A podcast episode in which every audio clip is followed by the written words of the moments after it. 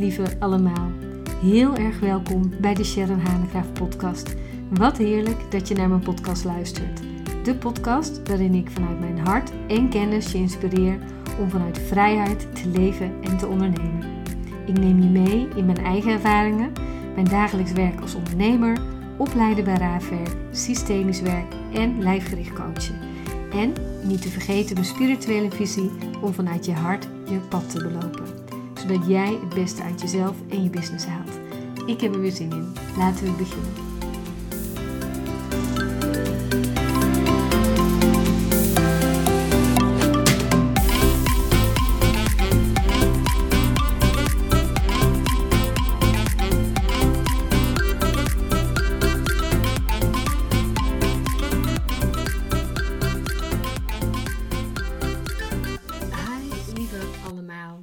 Is eh, mijn zevende podcast voor jullie natuurlijk. Gewoon de podcast van vandaag. Ehm, maar voor diegenen die hem zo afluisteren, gewoon oplopend weten dat ik een aantal podcasts achter elkaar heb opgenomen. En ehm, nou, dit is de laatste. In ieder geval die ik vandaag op ga nemen. Maar vandaag voor jullie natuurlijk de eerste. En ehm, de podcast gaat over geloof eerder in je lijf dan in je hoofd. Want geloof niet al je gedachten.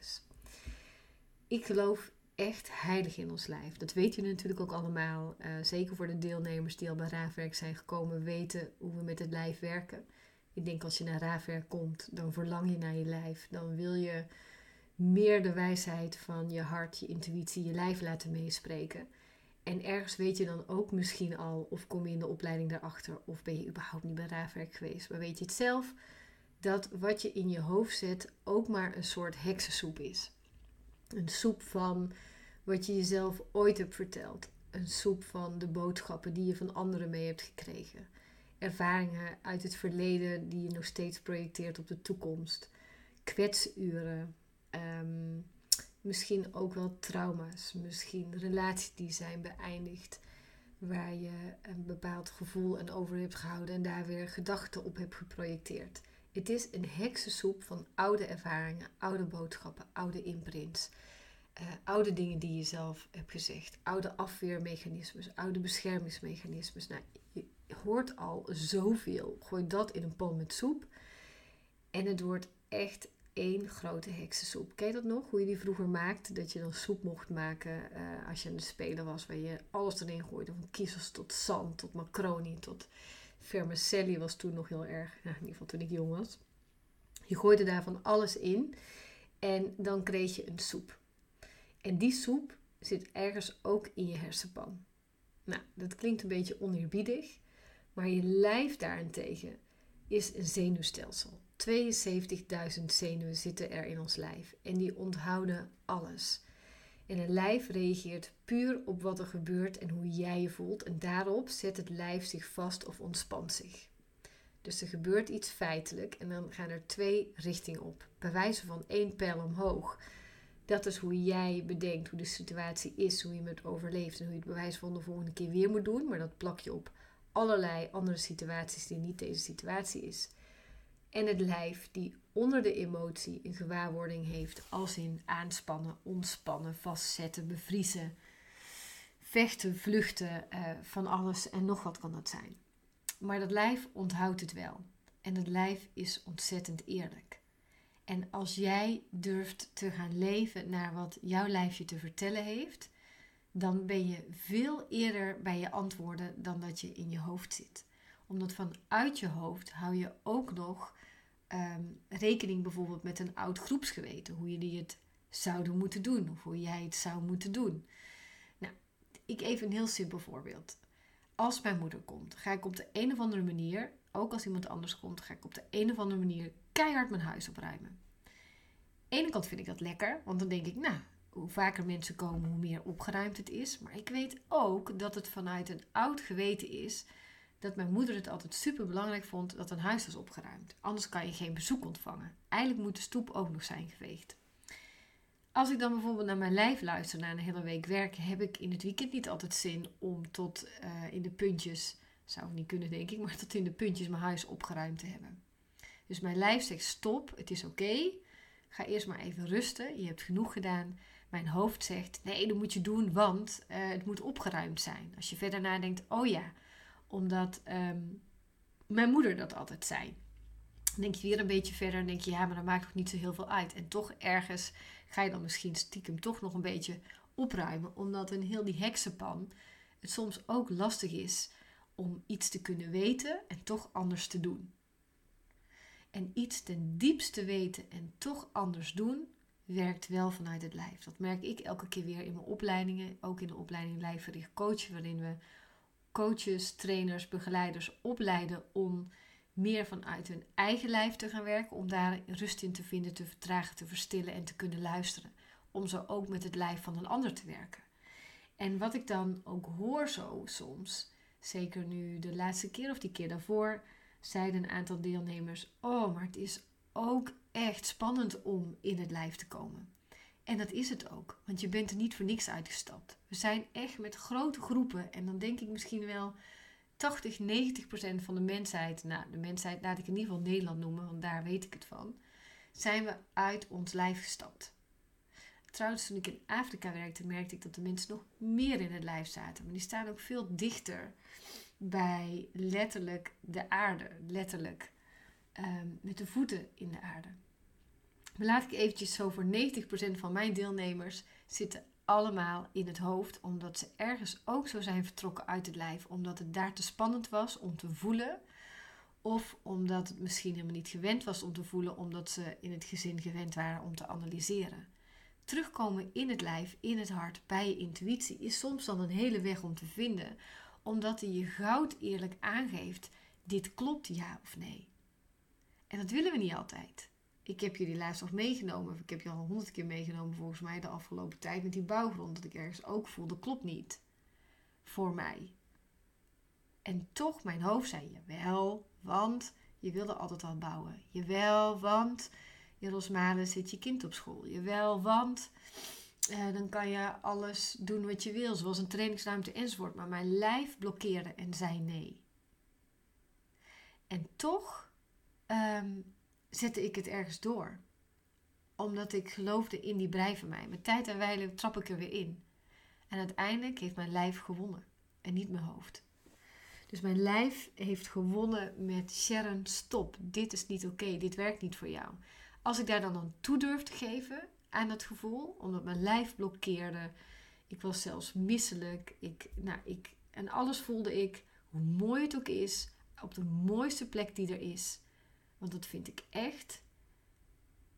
Toen ik eraan kon toegeven, voelde ik pas wat er echt aan de hand was. Toen kon ik ook pas weer zuiver gaan nadenken, want ook dan komt wel mijn hersenpan weer van toepassing. Van, oh ja, maar je woont ook zo fijn op de plek waar je woont? En wil je daar wel van weg? En wil je deze levensstijl verlaten, ja of nee? En het antwoord was nee. En mijn lijf wist het al die tijd al. Mijn lijf had het al die tijd al verklapt. Maar mijn heksenpan, die ging er vandoor. Met allerlei oude overtuigingen en nieuwe. Dus het lijf weeft altijd de waarheid in pacht. En ga voor jezelf eens na hoe erg jij in je lijf zit. Of dat jij naar jouw hart durft te luisteren, naar je intuïtie durft te luisteren. Of dat je het dan weg gaat lopen rationaliseren of analyseren of half doodslaat met allerlei gedachten. Ik daag je uit om de aankomende week dus goed te luisteren naar de gewaarwordingen in je lijf. Dus niet zozeer de emoties, want ook daar zitten vaak gedachten aan gekoppeld, die het versterken bijvoorbeeld, maar wat je lijf doet. En dan nog is het niet verkeerd dat als je lijf bijvoorbeeld op slot gaat in een situatie, dan kan het zomaar zijn dat je lijf aangeeft: Ik vind dit super spannend. En als je daar dan bij kan blijven bij die spanning en dat je even bang mag zijn, kan je ook die angst gaan onderzoeken en kan je zien: hé, hey, is dit oude angst? Of is dit nieuwe angst? Want daarin ziet het lijf geen verschil. Die weet niet, dit is een oude angst of dit is een angst van nu. Die weet alleen dat het zich angstig voelt. Als je dan kan blijven en er niet van wegloopt, zou je bijvoorbeeld een oude angst kunnen aankijken en daar wat mee gaan doen. Als je dat vanuit je hoofd zou doen, dan komen er allerlei gedachten bij. Weet je niet meer hoe je jezelf voelt, want die oversluieren dan, legt een sluier over heel je gevoel en over heel je lijf. En ga je vanuit patronen of overtuigingen daar een waarheid op bedenken. Maar je lijf kent de waarheid al. En als je die waarheid mag voelen, kan je daarna gaan onderzoeken: wat moet ik er nog mee? En hoe kan ik dan mijn lijf in dit soort situaties weer leren ontspannen? Daar gaat eigenlijk heel lijfgericht coachen de opleiding ook over. Dat wanneer je dit kan aankijken, wanneer je er kan blijven, hoe kan ik dan ook weer ontspannen? In elke coaching doe ik het niet anders. Je gaat terug naar waar een lijf je brengt en je leert op een uitademing ook weer, of op een inademing aan te nemen, en op een uitademing ook de ontspanning te vinden. En wat er dan gebeurt, is dat je lijf ook een nieuwe waarheid leert. Want je weet, A, ik ga aan op het stuk als ik ooit zo bevroren ben. Dat wil niet zeggen dat het helemaal overgaat, maar ik weet ook weer hoe ik me kan ontspannen. En dan heb je een samenwerking tussen lijf en geest. En dat is de meest mooie en krachtige samenwerking die er is. Zeker als jij bij je lijf durft te starten. Zeker als je eerst gaat voelen en dan een analyse erop loslaat.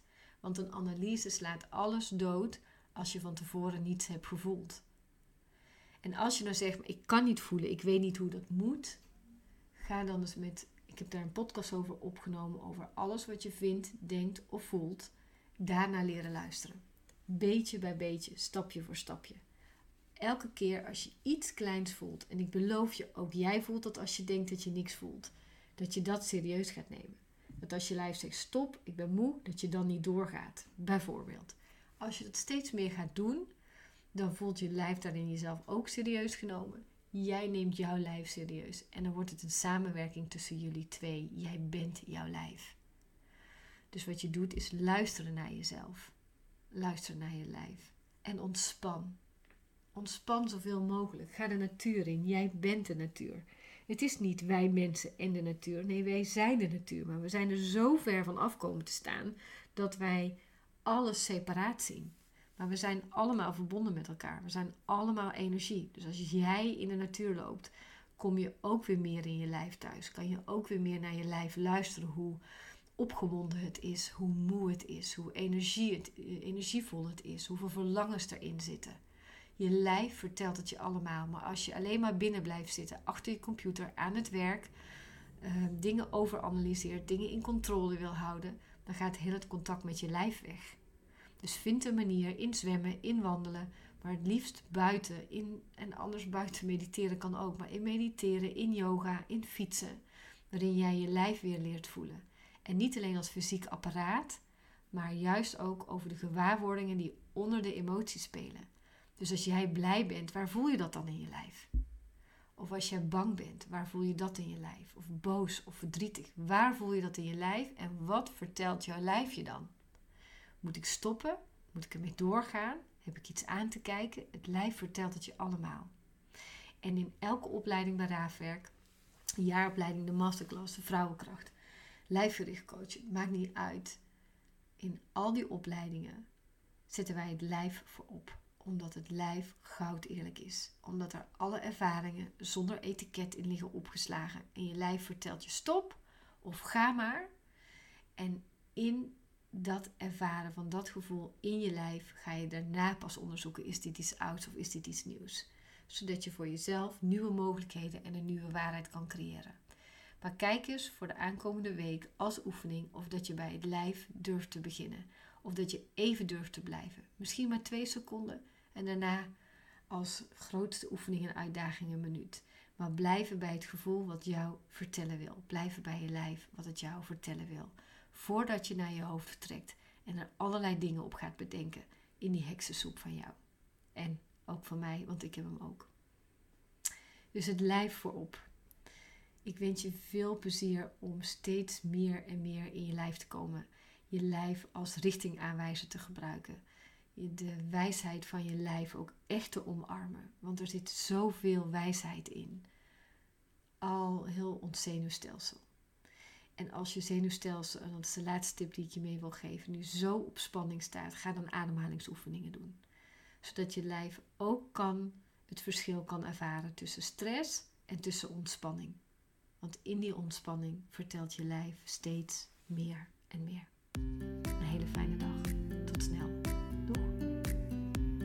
Super dat je er weer was. Dankjewel. Ik hoop je te hebben geïnspireerd. En dat niet alleen. Ik hoop dat je je stappen gaat zetten die je wilt zetten. Je bent hier echt om het mooiste uit jezelf in dit leven te halen.